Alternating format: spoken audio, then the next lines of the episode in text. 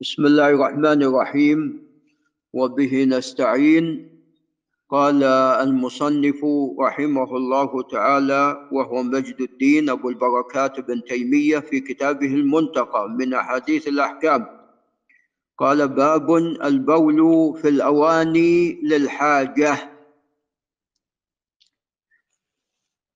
يعني لا بأس بذلك عندما يبول الإنسان في الآنية لحاجة من الحاجات وذلك مثل المرض. نسأل الله أن يشفينا وإياكم. نعم. قال عن أميمة بنت رقيقة عن أمها. نعم. وهي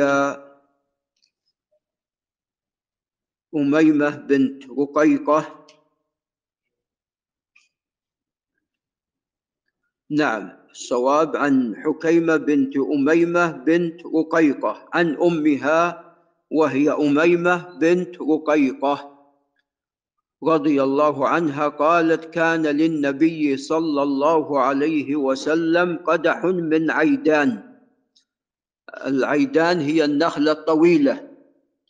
فهذا القدح من عيدان النخلة. تحت سريره يبول فيه بالليل.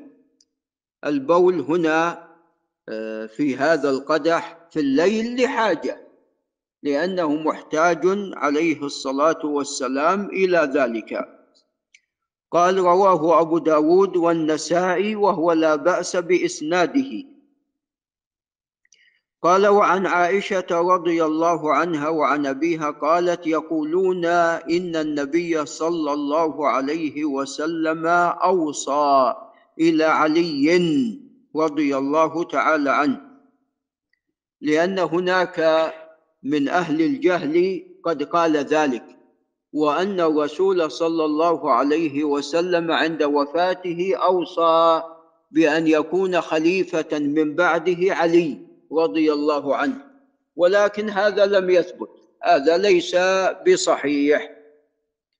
وبينت. قالت لقد دعا بالطست ليبول فيه.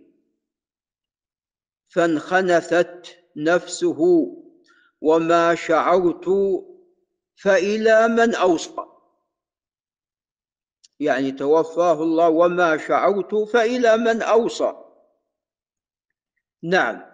فهي تنكر ما يقول هؤلاء وهو لا شك ليس بصحيح. نعم.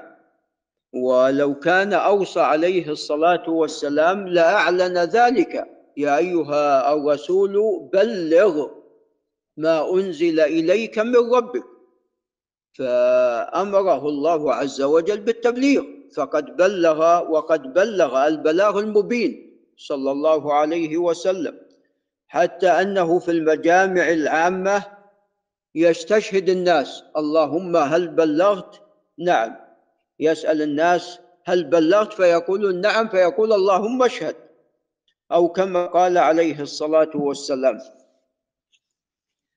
نعم وهذا صحيح. قال باب ما جاء في البول قائما. كان الغالب عليه عليه الصلاة والسلام يبول عن جلوس. لكن بعض الأحيان ثبت أنه قد بال قائما عليه الصلاة والسلام. وعند البول قائما لا بد من أمرين. الأمر الأول أن الإنسان عليه أن يتحفظ من انكشاف عورته أمام الناس. الأمر الثاني أنه ينتبه لرشاش البول لئلا يصيب جسمه أو ثيابه. فإذا انتبه لهذين الأمرين نعم فلا بأس عندئذ من البول قائما كما فعل نبينا عليه الصلاة والسلام. ولكن الغالب عليه البول عن جلوس. قالت عائشة قال وعن عائشة رضي الله عنها قالت من حدثكم أن رسول الله صلى الله عليه وسلم بال قائما فلا تصدقوه.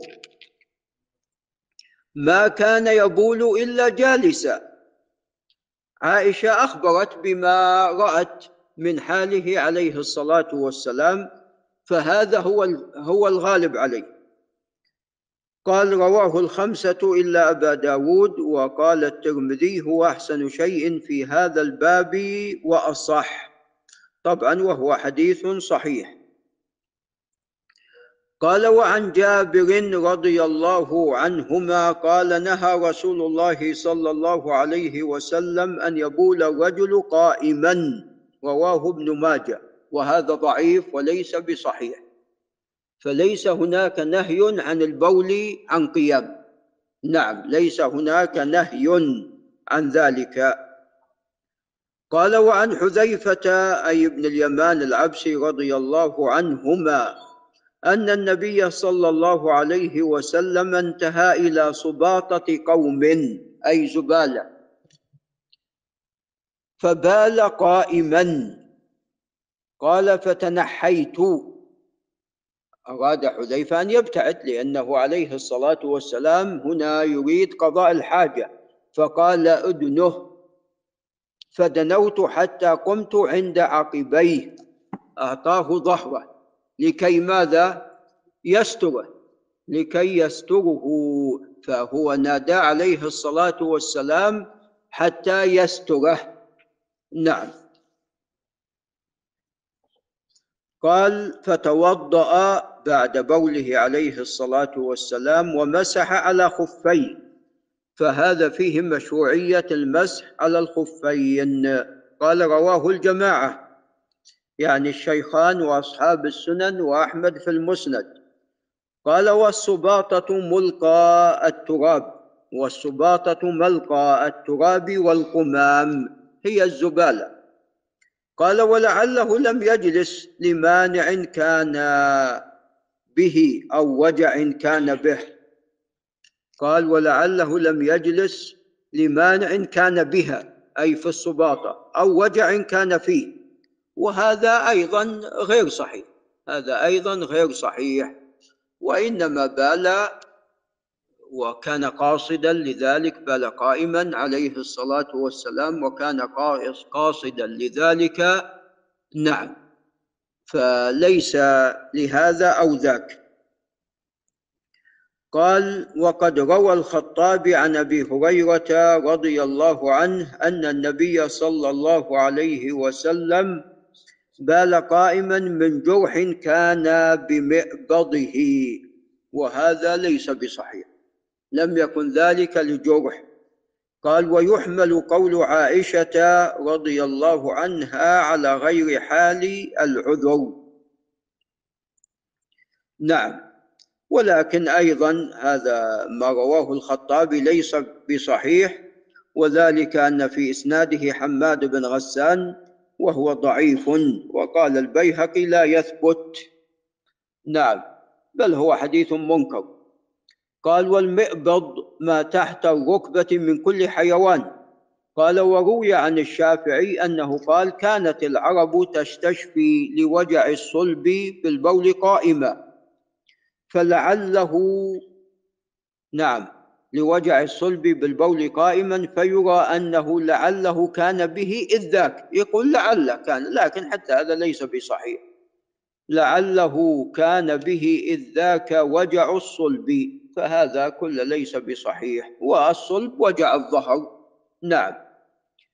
فهذا كل ليس بصحيح. فالبول قائما. هذا يجوز ولكن لابد من الانتباه لهذين الأمرين. لكن هنا شيء ينبغي الانتباه إليه وهو أن بعض الناس عندما يبول قائما راسا يدخل ماذا؟ يدخل ذكر في ثيابه ولا يستجمر أو يستنجي. وهذا لا شك. نعوذ بالله. هذا فعل الناس الذين يعني ناس السفهاء. نعم نسأل الله أن يعافينا وإياكم من ذلك. نعم. فهو عليه الصلاة والسلام بأبي وأمي قد استجمر ثم توضأ عليه الصلاة والسلام ومسح على خفيه عليه الصلاة والسلام. هذا وبالله تعالى التوفيق.